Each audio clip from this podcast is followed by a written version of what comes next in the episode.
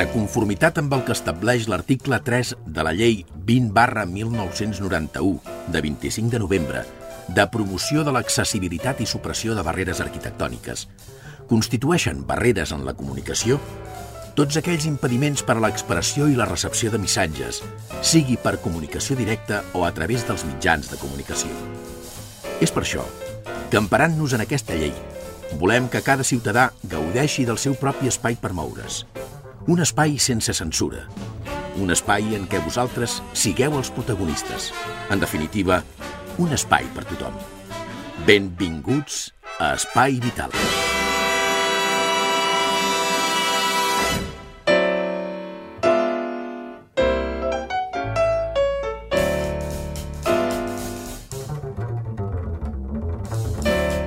Senyores i senyors, què tal com estan? Benvinguts i ben trobats. Un dia més, un programa més. És l'Espai Vital. La Maria López, el Jordi Puy i un servidor. Eh, amb ganes de fer un programa, un programa de 60 minuts que comença amb 3, 2 o 1. Això és Espai Vital. Un espai vital que comparteix amb sis poblacions del Vallès Occidental. Són Ripollet, Cerdanyola, Montcada, Barberà, Santa Perpètua i Sabadell. Molt bé, mm, avui aquí tenim Maria. Hola, bon dia. Hola. Doncs mira, Xavi, avui tenim a la Flori Vallallobre, Varallobre, perdó, que jo amb els meus noms i les meves equivocacions, si no, no seria jo.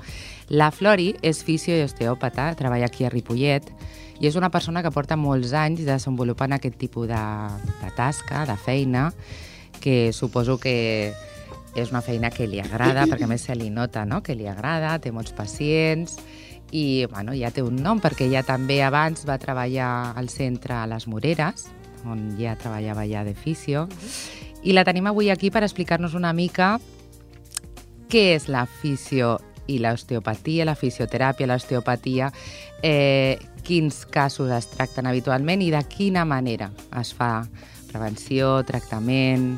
Bon dia, Flori. Hola, bon dia. Eh, Flori, m'encanta que siguis avui aquí, eh?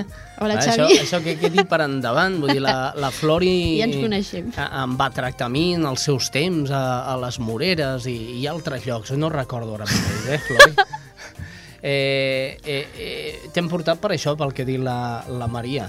M'agradaria que expliquessis plenament a la gent que en aquests moments ens escolta quina és la teva tasca. Bueno, jo exerceixo bàsicament d'osteòpata i l'osteopatia doncs, el que fa és eh, tractar a nivell global, no només el, no, no només els símptomes, sinó el que, el que fa és tractar la persona, no el símptoma. L'osteopatia és això, mira la persona i ho mira tot. Eh, tot a nivell global. Aleshores, després, a partir d'aquí, sí que és veritat que el, la, el símptoma li serveix com per diagnosticar, però bàsicament el que fa és mirar d'on ve eh, l'origen, bàsicament d'on li pot venir aquest tipus de, de símptoma. Posa'm Sigui un el que- exemple, posa'm un exemple. Doncs, per exemple, una persona que vingui a la consulta, no sé, per, un, per una epicondilitis, que, que venen sovint. Doncs Epicondilitis. l'epicondilitis és una inflamació de la musculatura que s'inserta a l'epicòndil, vale? al nivell del colze.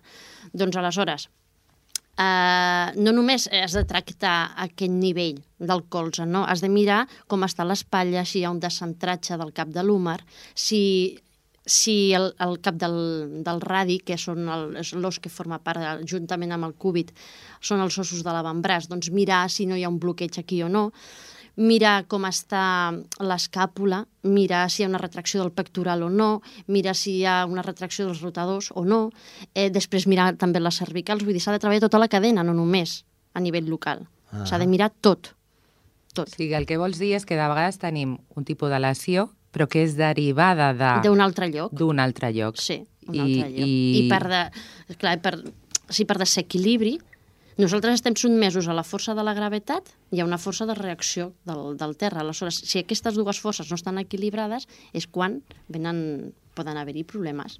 Uh -huh. A vegades grans, a vegades petits, però bueno, és quan la gent es desequilibra. I aleshores el que fa l'osteopatia és això, el que fem és reharmonitzar i reequilibrar el sistema en general. De quina manera feu això?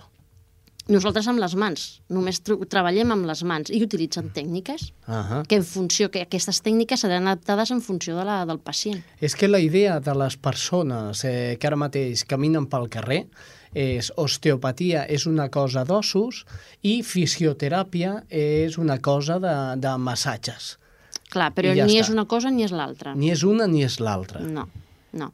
Uh, sí que és veritat que a vegades també ens confonen com a los rompehuesecitos, Ah. i tampoc és això. Vull dir, nosaltres, eh, l'osteopatia tracta a nivell cranial, tracta a nivell estructural i tracta a nivell visceral. Per exemple, hi ha gent també que ve per problemes de lumbars, no? que, que li fa mal les lumbars. Doncs, bueno, pot ser que hi hagi un problema purament mecànic a nivell lumbar, sí que és veritat, però pot haver-hi també problemes derivats a nivell visceral perquè la gent no menja bé, perquè es creen congestions a nivell visceral, eh, hi ha molta tensió i aleshores tot... O que hi hagi una cicatriu, també, una cicatriu en aquesta zona i que estigui retraient el teixit i produeix un bloqueig a nivell lumbar. I no és un, purament un, un problema mecànic, sinó derivat d'un altre lloc. Escolta, Per exemple, són, són exemples, però que la cosa després no és tan senzilla, eh? S'ha de veure tot més... Eh, és més complicada del que sembla. Eh, Flori, quan tu parles de bloqueig, eh, és que sempre insisteixo molt perquè la gent que escolta Espai Vital té un target de, que està entre els 18 fins als 99 anys, Mhm. per entendre'ns. Sí. Un bloqueig. Què és un bloqueig, Flori? Un bloqueig és una falta de mobilitat. Val, veus? Ja, ja vale? Hi ha una bé. falta de mobilitat. Bé, eh? Mm, aleshores, aquesta falta de mobilitat pot ser allà on sigui, però, per exemple, normalment el que més es dona doncs, bloquejos a nivell vertebral. Per què? Doncs, per exemple, els músculs s'inserten en els ossos, s'originen, s'inserten, tenen un origen i una inserció. És a dir, comencen i acaben. Val. Vale? Aleshores, s'inserten en els ossos. A nivell vertebral, a nivell de la columna, vull dir, hi ha un munt de músculs, molts. Però pot ser que eh, una contractura, una lesió a aquest nivell, no sé el que sigui, doncs pot provocar un bloqueig a nivell de les carelles articulars de, de, de les vèrtebres i bloqueja aquest nivell. Vale? I aquest pacient és quan comença a sentir el dolor, comença, ja sigui per la contractura, ja sigui per aquest bloqueig, no sabem fins que no mires el pacient. I el que fas és manipular, fas un trus, que, que en diem nosaltres, el que fas és manipular per alliberar però clar, no només això, és a dir, abans de fer això has de mirar en quina posició, has de mirar com està el pacient, has de mirar moltes més coses, no només mala manipular i que lo rompehuesecitos, i no, no és això. Eh, és una teniu- cosa molt més profunda abans de fer això. Teniu la capacitat d'englobar moltes coses amb una. Això mateix. Per és el entendre. que fem és englobar, El- englobar. La psicologia entra en aquest camp. Bueno, sí, no som psicòlegs, però sí que és veritat que, la, que fas una mica a vegades de psicòleg perquè la gent necessita parlar també. Veus que la gent necessita parlar, no, no, no es parla molt. Però perquè hi ha... Necessiten desfogar-se, Ah, sí. necessiten, clar, és a dir, que els problemes, és a dir, quan tu tractes a la persona, la persona és que és això, és a dir, som el que mengem, vale? som el que vivim, i, i estem sotmesos a... Hi ha gent que no sap gestionar l'estrès, hi ha gent que viu amb molts problemes, hi ha gent que no menja bé, i aleshores tot això acaba en patologia. Ahà. Vale? Les emocions també juguen una mala jugada. I, i, i tot això engloba el, a que hi hagin patologies, a que hi hagin lesions a aquest nivell i el que fem nosaltres és doncs, intentar treballar en aquest sentit.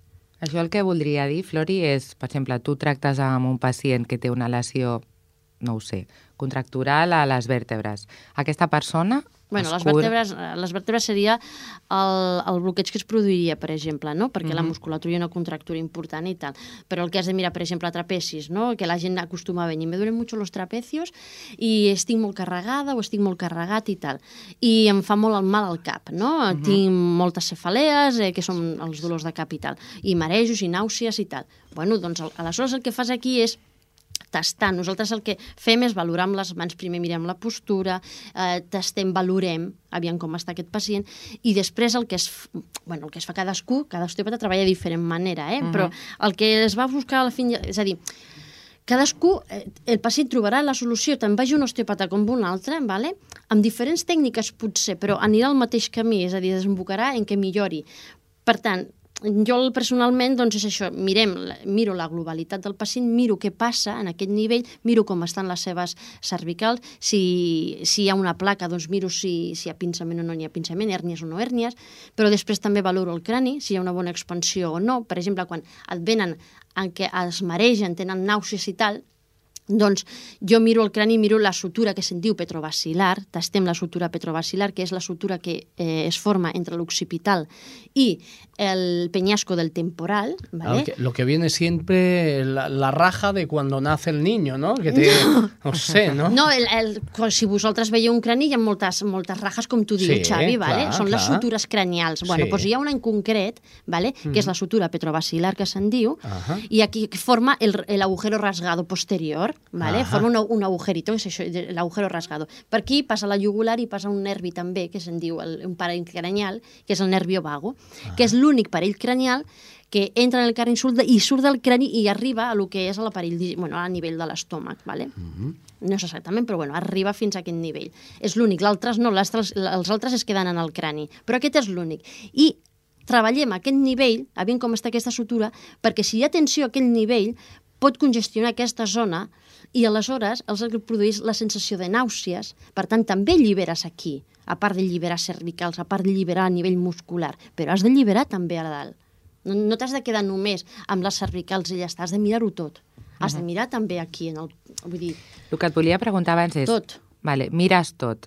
Eh, intentes pal·liar mm, i millorar intentes aquest tema. buscar per on va. Sí, i bueno, ho, ho, ho cures, per dir d'alguna manera. Aquesta Alivia. persona seria recomanable que tornés a anar dintre d'una temporada per veure com torna a estar el Sí, tema? el que, el que fem acost... bueno, és acostumem és a fas una primera visita, als 15 dies el tornes a veure i després si amb dues sessions o tres ha millorat, doncs perfecte. Eh, si veus que encara queda algun resquici, doncs al mes el cites i el tornes a veure.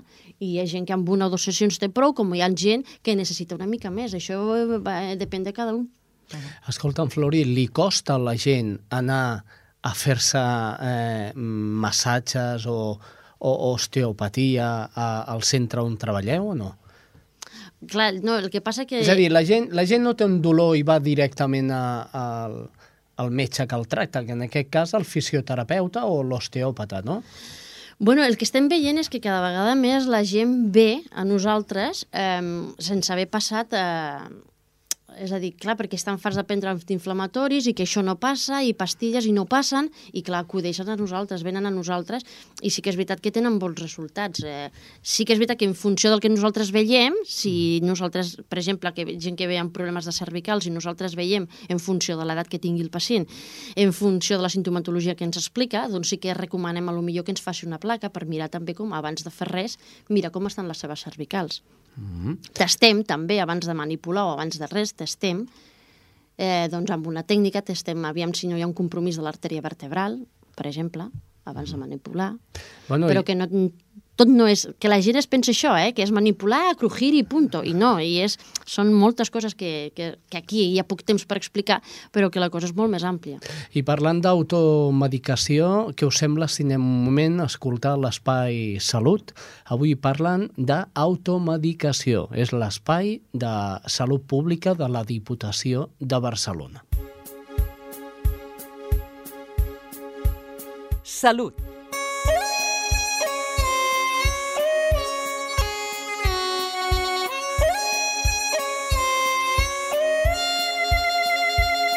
Un fenomen força habitual en la gent gran és la automedicació, és a dir, el consum de medicines sense prescripció mèdica.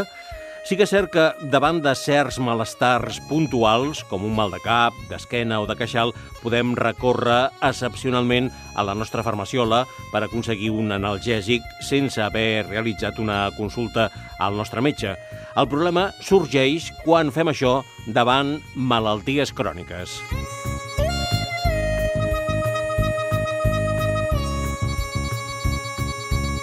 Continuem parlant de la gent gran i els medicaments. Ho fem amb Clara Díaz, tècnica de la Unitat de Promoció de la Salut del Servei de Salut Pública de la Diputació de Barcelona. Benvinguda a aquest espai, Clara. Hola, bon... què tal? Eh, doncs eh, comencem parlant de l'automedicació. En un anterior eh, espai vam deixar-ho aquí, vam treure el tema, però no vam arribar a desenvolupar-ho. Quins són els motius més habituals que porten a l'automedicació? Doncs mira, en l'automedicació juguen factors de caire psicològic, social i fins i tot econòmic. Diguem-ne que un, una persona pot prendre la decisió de de- d'agafar un medicament sense consultar el metge per moltes raons. Entre elles, jo et podria dir doncs, unes quantes. Per exemple, la dificultat a vegades per accedir a la pròpia consulta, bé perquè hi hagin llargues llistes d'espera o inclús perquè la persona pugui tenir doncs, dificultats per, per desplaçar-se del seu domicili, que consideri que la sintomatologia que té no és greu, o que la pugui pal·liar amb productes de, de caire natural, o de vegades inclús eh, juguen un paper molt important en l'automedicació la influència dels propis mitjans de comunicació o que, per exemple, doncs, eh, tingui confiança en un determinat medicament perquè li hagi funcionat en un moment donat i, en canvi, doncs, el medicament que li ha receptat ara el metge doncs, no li generi aquesta confiança. No sé, hi ha moltes raons, moltes, moltes. Molts I fac- molts factors. Sí, sí, sí, depenen de cada persona en aquest sentit. Però aquests et diria que són, de vegades, doncs, força habituals.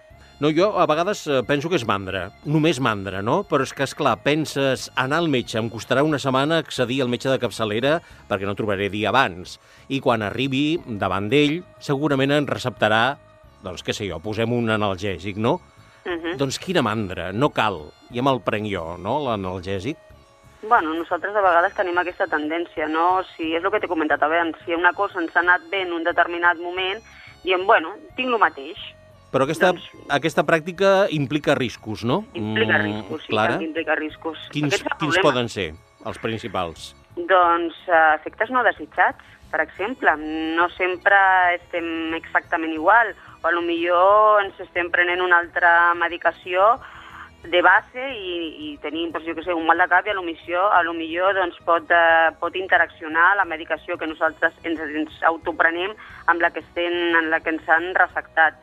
Eh, que realment no tingui l'efecte que disminueixi l'efecte de, de la medicació, que ens pugui mascarar una altra malaltia o agravar-la, que pugui crear resistències. De vegades la, la gent doncs, té tendència a utilitzar antibiòtics, sobretot, no? que generalment es, es creen resistències que després, quan, quan realment es necessiten, doncs, doncs no funcionen aqu aquests medicaments. O inclús eh, pot ser, poden crear-se intoxicacions, o també és una manera de fomentar la, la farmacodependència. O sigui, I com es podria evitar aquest hàbit de l'automedicació que mm, alguns tenen eh, molt, molt a dins, no?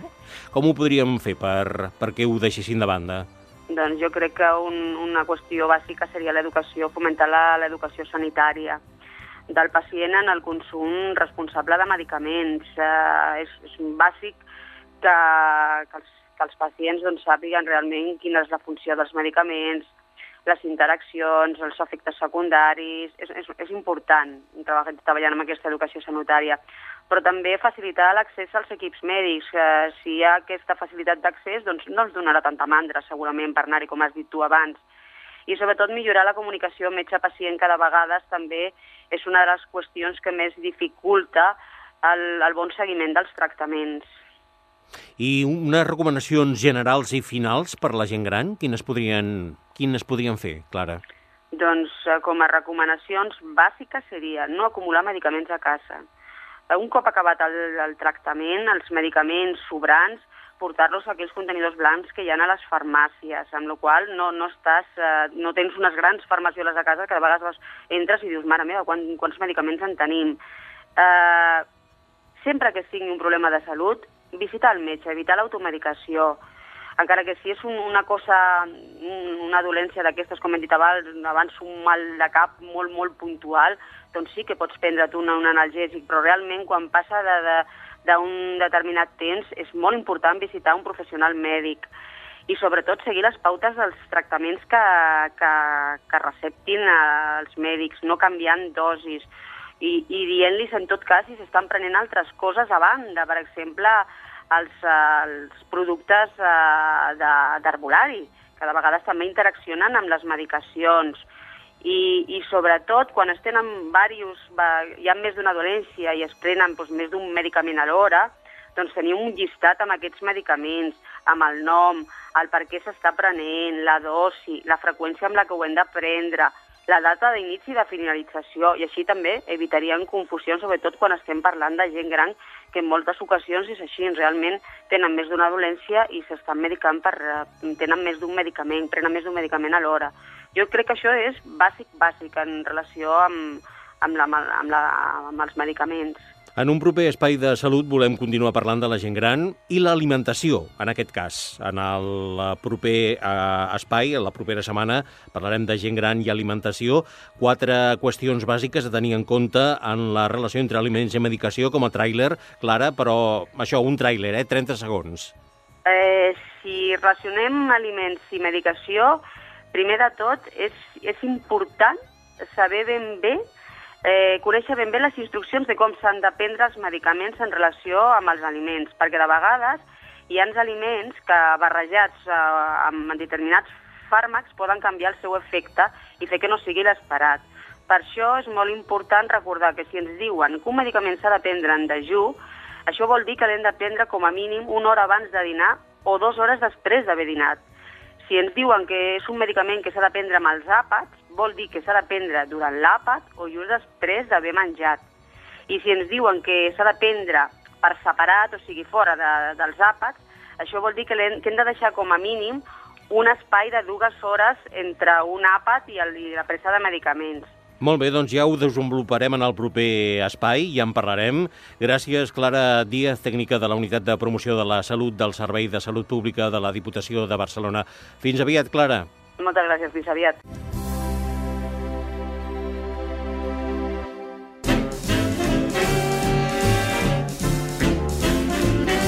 Estàs escoltant Espai Vital.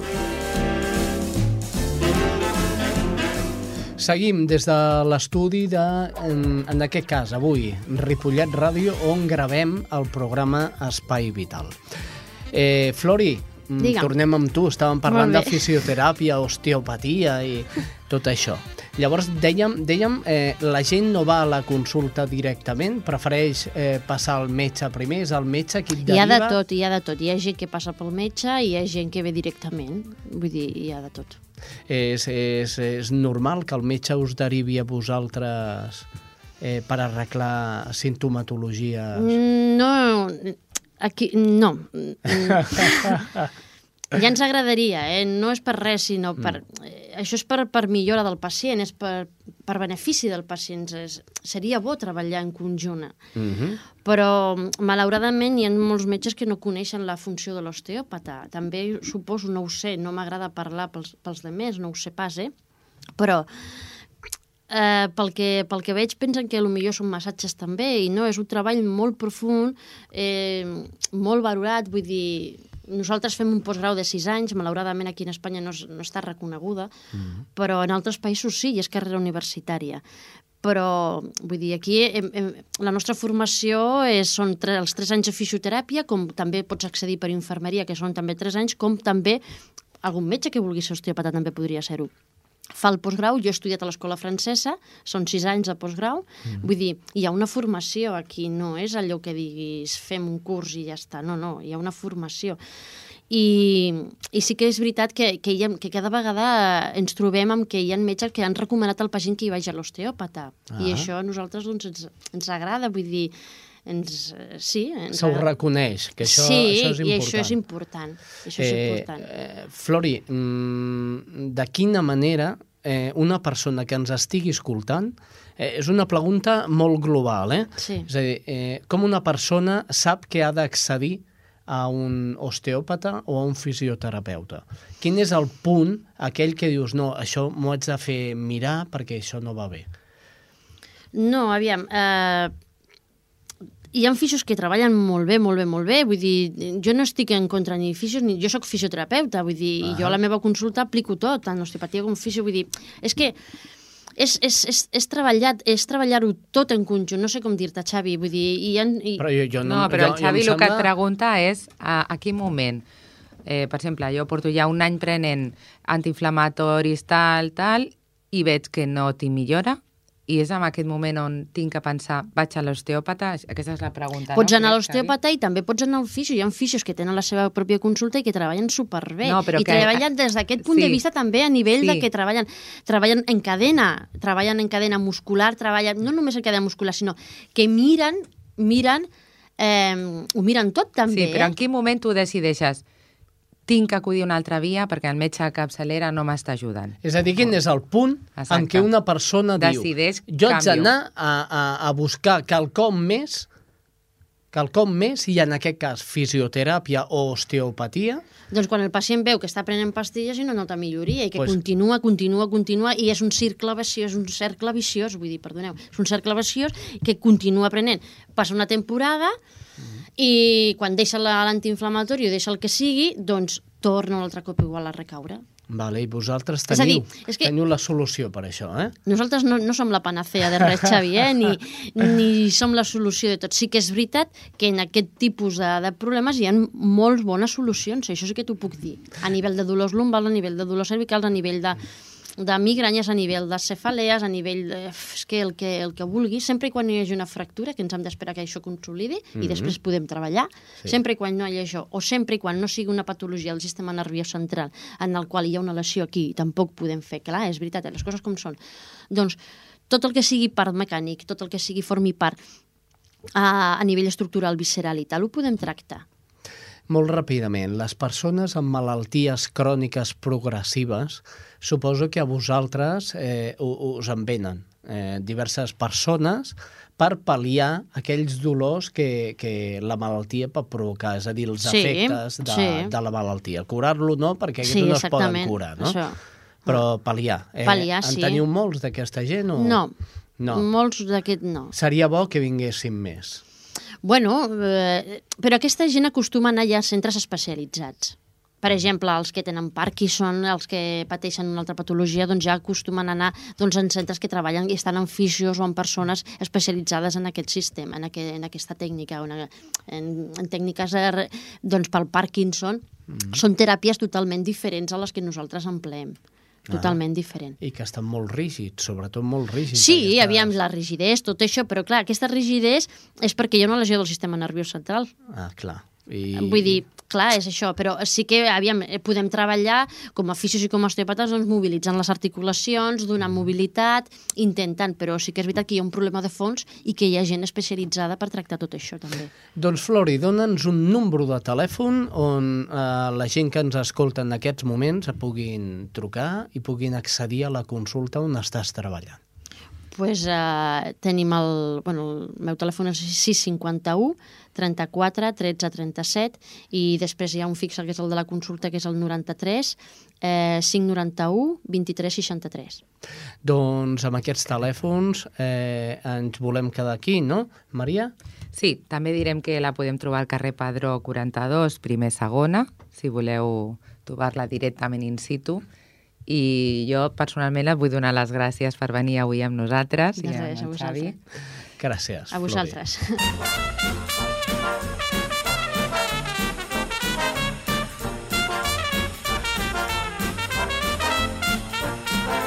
Espai Vital. Maria, eh, bé, no?, amb la Flori. Molt bé, jo... Una persona superinteressant. Sí, intel·ligent també. I Jo he què- après molt. I que maca és, Sí, eh, la sí que és Flori. maca, perquè no li veieu el somriure, però té un somriure, uns ulls molt macos. Preciosos. Fem una roda informativa? Fem. Fem-la. Va, fem un vol. Jordi. I aquesta roda informativa, a on la comencem? Doncs la comencem per Cerdanyola, si et sembla bé. Anem amb la Rosa Morante.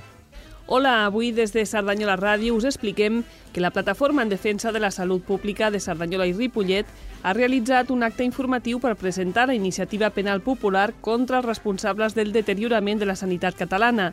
Es tracta d'una iniciativa impulsada per Dempeus per la Sanitat Pública amb l'assessorament de l'exfiscal anticorrupció Carlos Jiménez Villarejo. La integrant de la plataforma en defensa de la salut pública, Marta Carreras, va explicar que la iniciativa penal popular és una eina més i poc explorada pels activistes en defensa de qualsevol dret cívic, com és el cas de la salut. Es tractaria de tenir la informació necessària per tirar endavant processos legals que obliguin els responsables polítics i empresarials que han de donar la cara davant la ciutadania i els tribunals per unes retallades del sistema de salut que, atenent les lleis, poden considerar-se veritables agressions i fins i tot poden ser considerades com uns crims contra la humanitat. El doctor i membre de l'Associació Catalana en Defensa de la Sanitat Pública, Roger Bernat, va dir que el principal problema de la sanitat catalana no són els professionals, sinó el model de gestió que s'ha acabat imposant. I va posar com a exemple el cas de les cesàries.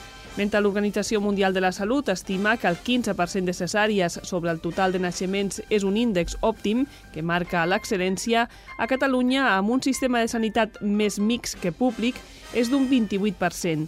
El percentatge als centres privats és del 40%. Roger Bernat troba errat destinar el 90% del pressupost de sanitat a les intervencions mèdiques, oblidant la prevenció i la informació. I això és tot eh, per aquesta setmana. Fins la setmana vinent. Fins la setmana vinent, Rosa. I Xavi, de la Rosa Morante de Cerdanyola, cap, cap a on anem? Cap a Ripollet. Allà, com sempre, la directora dels serveis informatius d'aquesta de, casa eh, ens passa la crònica. Salutacions des de Ripollet Ràdio. El 28 de maig és el Dia Internacional d'Acció per a la Salut de les Dones. És per aquest motiu que la Regidoria de Polítiques d'Igualtat vol donar continuïtat al cicle de Dones i Salut amb una sèrie d'activitats relacionades amb l'alimentació i l'activitat física, totes elles amb l'objectiu de combatre el sedentarisme i promoure un estil de vida saludable, actiu i amb bons hàbits alimentaris per millorar la qualitat de vida de les dones i la ciutadania en general. El programa d'activitats ha estat organitzat per la Regidoria de Polítiques d'Igualtat, conjuntament amb les regidories de Salut Pública, serveis socials i gent gran, educació i joventut. També hi col·laboren el Patronat Municipal d'Esports i la Biblioteca Municipal. Es tracta així d'un programa transversal amb la idea que la salut de les dones s'ha de treballar de manera interdisciplinària. La primera activitat serà l'autobús de la bona alimentació del 2 al 5 de maig, que s'instal·larà al Parc del Riu Ripoll en horari de matí i tarda. Es tracta d'una unitat mòbil de ciència i cuina de l'obra social Caixa Catalunya i la Fundació Alícia. L'autobús està condicionat amb diversos elements de reflexió sobre com es pot millorar la vida a través de l'alimentació. Està obert a la població per visitar-lo i també es poden concertar hores per fer tallers. El programa d'activitats s'allargarà fins al mes de juny. Poden consultar-lo a la web municipal ripollet.cat. I això és tot per aquesta setmana. Fins la setmana vinent. Molt bé, jo havia dit la, la responsable dels serveis informatius de Ripollet Ràdio, però no havia dit la Rem Herrera. Molt bé, i de Ripollet ens n'anem cap a... Doncs ens n'anem cap a Montcada amb la Laura Grau. Hola, salutacions des de Montcada, l'Espai Vital. L'àmbit privat s'ha solidaritzat recentment amb les entitats que treballen sobre el món social. L'Associació de Discapacitats Adimir acaba de guanyar la primera edició del Premi Somriure de l'any, atorgat pel Gabinet Odontològic doctor, Doctora Minerva de Montcada i Reixac. El guardó, valorat en 1.000 euros, vol destacar la feina dels col·lectius que intenten millorar la vida de les persones amb dificultats. El lliurament del guardó va tenir lloc la tarda de la Diada de Sant Jordi, el 23 d'abril, a la consulta situada al carrer Colón i amb la presència d'una nodrida representació de l'entitat guardonada i de l'Ajuntament, amb l'alcaldessa Maria Elena Pérez al capdavant. L'Adil va destacar que en moments com els actuals, amb greus dificultats econòmiques, la solidaritat és un element bàsic per continuar endavant, especialment en el teixit associatiu. En representació d'Adimir, Jordi Pons va recollir el guardó, dissenyat per l'artista local Gabriel Ruiz, que simbolitza un somriure i va indicar que suposa un reconeixement a la feina d'integració de les persones amb discapacitats que fa l'entitat des de fa anys. El lliurament del premi coincideix amb el 15è aniversari de la creació del gabinet de l'odontòloga moncadenca Minerva Castellà. Això és tot. Fins la setmana vinent. Fins la setmana vinent, Laura. Moltíssimes gràcies des de Montcada Ràdio. I ara, Xavi, cap a... Cap a Sabadell. Cap a Sabadell. Avui ens saltem eh, Santa Perpètua i ens hem saltat també Barberà perquè no hi havia notícies d'actualitat en quant a sanitat. Però sí a Sabadell i la Karen Madrid ens en fa 5 cèntims. Amb ella acabem la roda. Salutacions des de Sabadell. Avui us parlem d'un nou projecte que s'ha posat en marxa aquí a la ciutat. Es tracta de l'anomenada Carpeta Personal de Salut, que permet a tots els ciutadans amb DNI electrònic o certificat IDCAT consultar el seu expedient sanitari a través d'internet. Aquesta aplicació única i privada per cada usuari inclou tota la informació que tenen els metges sobre ell, és a dir, resultats de proves que se li han fet, diagnòstic de malalties, medicaments que té inclosos a la seva recepta electrònica i, a més, pels malalts crònics, com els, per exemple els diabètics, suposa un canal de comunicació directa amb els metges per fer un seguiment de la patologia sense haver-se de desplaçar als centres d'atenció primària. Tot i que la carpeta personal de salut no s'aplicarà a la resta de Catalunya fins a finals d'aquest any, s'espera que es converteixi en un element molt utilitzat a llarg termini. És tot des de Sabadell.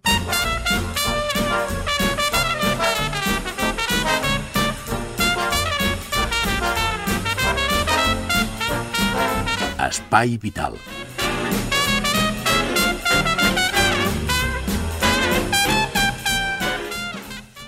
He tenido muy poca autoestima, muchas inseguridades y sigo sintiéndome poquita cosa al lado de los demás. Soc Mercè, afectada de psoriasi i membre d'Acció Psoriasi. Si vols conèixer el veritable impacte de la psoriasi, una malaltia que va més enllà de la pell, et convido que visitis enprimerplano.org. A casa hem acollit l'Òscar fa un mes. Ara viu amb nosaltres. No sé fins quan es quedarà.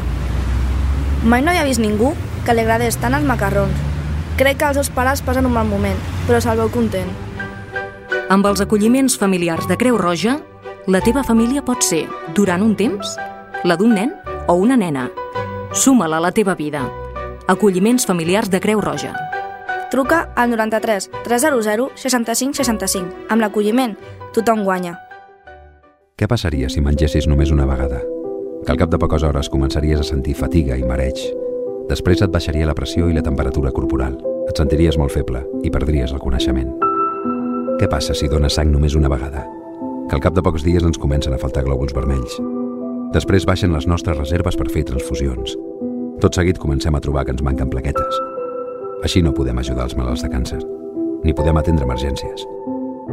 Necessitem que tornis a donar sang, com tu necessites tornar a menjar. Amb una vegada no n'hi ha prou. Vine a donar. Banc de sang.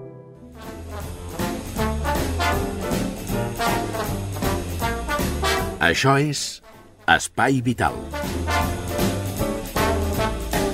I ara l'Espai Vital el que volem fer és anar a escoltar el capítol, em sembla que és el 21, si no m'equivoco. No, 23 em diu el Jordi. El capítol 23 de Alta Sensibilitat.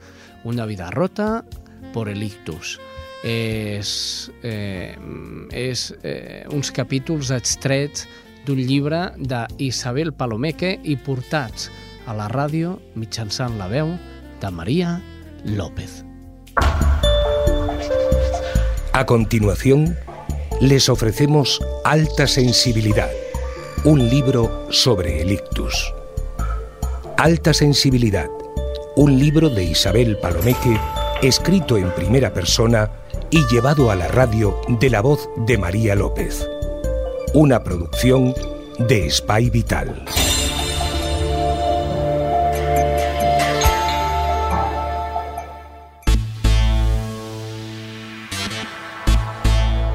Quiero vivir. Eso lo tengo muy claro. Y además, quiero que esta vida sea como yo decida. Si algún día me pasa algo, si me muero, será mientras esté haciendo algo. Me niego a quedarme recluida en casa entre algodones con miedo a las caídas, a las crisis o a nuevos accidentes. Con esta máxima me levanto cada día y sigo adelante. He conocido los límites y los tengo muy presentes. No puedo nadar ni esquiar como cualquier otra persona, por ejemplo. Soy realista. No puedo agotarme en un gimnasio o realizar ninguna proeza física sin necesitar horas de reposo a continuación. Pero sí hay otras cosas a las cuales no pienso renunciar por un mandato de precaución. Con estos pensamientos en la cabeza han pasado seis años desde mi ictus, durante los cuales me he atrevido a volar en planeador e incluso a viajar. Viajar por el simple placer de hacerlo. Otra prueba para mí y mis padres. Volver a coger un avión y visitar un país como Cuba o Turquía, los dos primeros destinos que he ido con amigas, Ha sido un auténtico reto. Estas experiencias especialmente me han devuelto la confianza en mí misma y sobre todo me han recordado cómo uno es feliz cuando se siente en libertad. Desde entonces he buscado opciones que me hagan disfrutar de este placer de vivir y de sentir. Igualmente, he intentado dar un sentido a mi tiempo, trabajando para los demás. La despedida de la clínica en medio de mi recuperación fue una dura lección. Mi carrera profesional había acabado antes de empezar y ahora me quedaba una pensión, reconociendo mi incapacidad absoluta. Aún así, guardaba la esperanza de poder hacer algo por otros dentro de mis posibilidades. Así es como, tras tocar muchas puertas para ofrecerme como voluntaria, me aceptaron como acompañante para gente mayor. Me hubiera gustado escribir que esta fue otra experiencia enriquecedora y positiva, pero el hecho es que ya el primer día me topé con la otra cara de mi realidad actual, aquella donde una persona como yo acaba siendo rechazada por su diferencia. La persona que me asignaron me recibió con insultos, quejándose amargamente porque le habían enviado la tarada. Uno nunca está preparado para este tipo de trances. Sabía que tarde o temprano toparía con alguien que no comprendería mi estado y groseramente me tildara de retrasada o algo similar. Pero cuando llegó el momento me dolió y mucho. Ante cada bofetada del destino he debido rehacerme solo a base de voluntad y en este caso fue así otra vez. El hecho es que aparqué el voluntariado por centrarme en otras opciones, como formarme en aquellos aprendizajes que fueran asimilables dentro de los límites de la fascia. Es así como apareció la danza. Hacía cerca de cinco años que ya había salido de Goodman, pero a menudo me envían informaciones de cursillos dirigidos a discapacitados.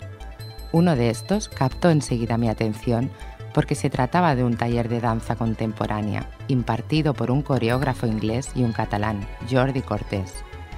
Mi entusiasmo, sin embargo, chocó de nuevo con la cordura de mis padres, que me recordaron el resultado desafortunado de otras tentativas como la nieve.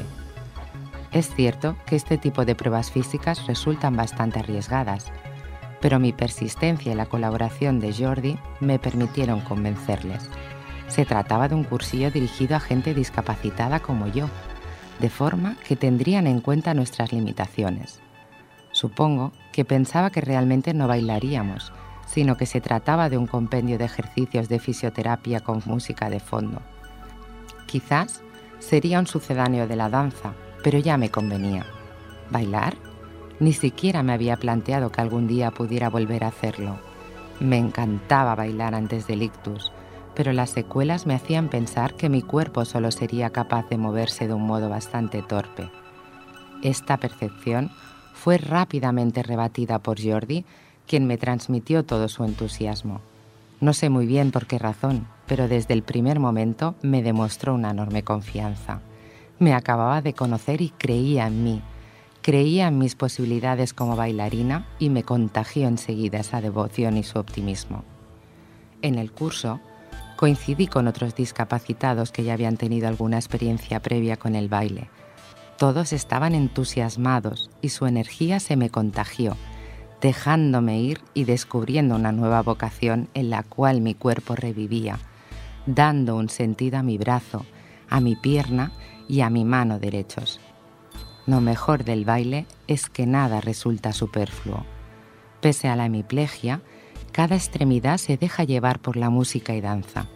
El cuerpo se convierte en una fuente de expresión inagotable, tanto en su rigidez como en su flexibilidad, y he aprendido a transmitir estos sentimientos bailando. La danza y los viajes me han reafirmado en mi ansiedad de vivir. Gracias a estas experiencias puedo decir que, bien administrada, la vida debe verse hasta la última gota. Y hasta aquí, Alta Sensibilidad, un libro sobre el ictus. Alta Sensibilidad, un libro de Isabel Palomeque, escrito en primera persona y llevado a la radio de la voz de María López. Una producción de Spy Vital. Alta Sensibilidad, un libro de plataforma editorial.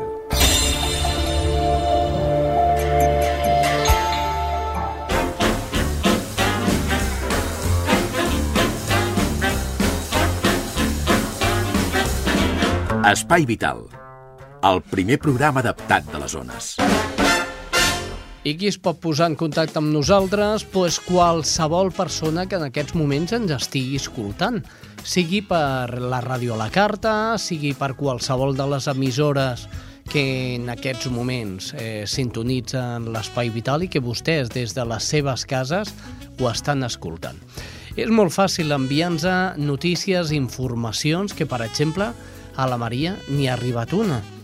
Maria? Doncs sí, mira, eh, hem d'explicar que la Fundació Miquel Valls, que els vam tenir aquí a la ràdio en directe... Sí, home, sí, de, És la d'esclerosi lateral amiotrófica, Ah, no? efectivament. Mm -hmm. Doncs aquesta fundació, el proper dissabte, eh, 5 de maig, a les 9.30, farà un concert eh, de gospel, el Gospel Virtual, eh, que és una... Els espirituals són aquests que són tan famosos, Xavi, i aquesta recaptació anirà destinada a la causa Fes el teu gest per l'ELA, vine al concert, podeu comprar les entrades o reservar-les al 902 180 677 o bé a la pàgina d'UNIM www.unnimentrades.cat. Us esperem. 902 180 677. Doncs a- anoteu, anoteu aquest telèfon, truqueu, reserveu entrades perquè És a l'Auditori del Centre Cultural Unim de Terrassa, que em penso que m'he descuidat. és una causa important i penso que tots hi hem de fer un esforç per poder-hi assistir, per fer un gest per l'ELA. Molt bé, arriba el moment de menjar. Com tens l'estómac? Jo tinc molta gana avui. Ah, doncs mira, la Conxita Naudi ens porta un plat de cuina. Escoltem-la.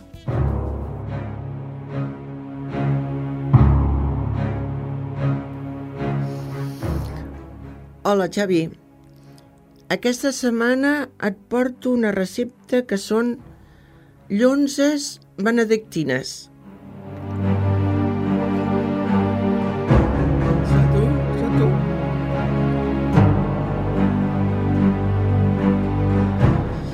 Els ingredients segueixo dient que són per quatre persones, eh?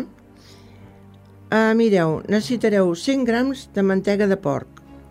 Si no us agrada la mantega de porc, hi podeu posar oli, eh? 100 grams de pernil a daus, 8 llonzes de porc, un got de vi de moscatell o de Màlaga barrejat, un tassó de caldo i daus de pa torrat. Preparació.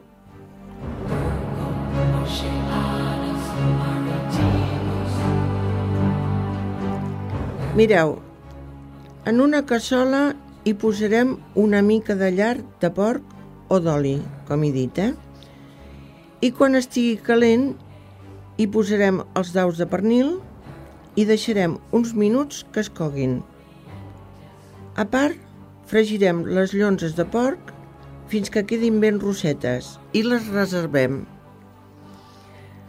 A la cassola que hem cuit el pernil s'hi posa el got de vi barrejat amb el licor i es deixa reduir una miqueta i aleshores s'hi posa el caldo fins que tot quedi ben consumit.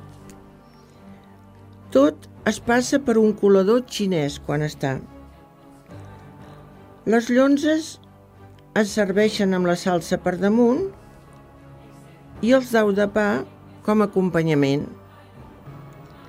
Mireu, eh, amb el licor pot ser de moscatell o també de xartrés, perquè diuen que el xartrés que, és, que es posa en aquesta recepta és un producte de la imaginació i el talent de religiosos.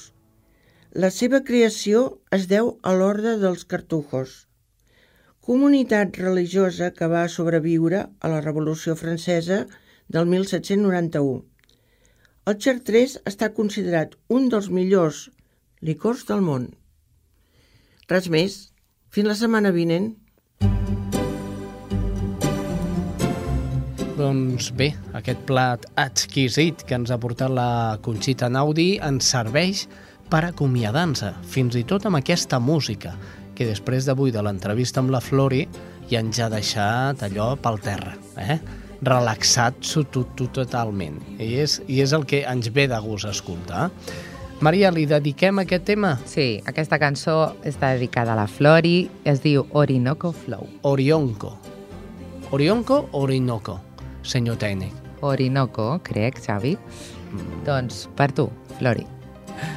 A vostès, adeu-siau. La setmana vinent hi tornem. Jordi Puy, Maria López i un servidor, Xavi Casas. Apa-li.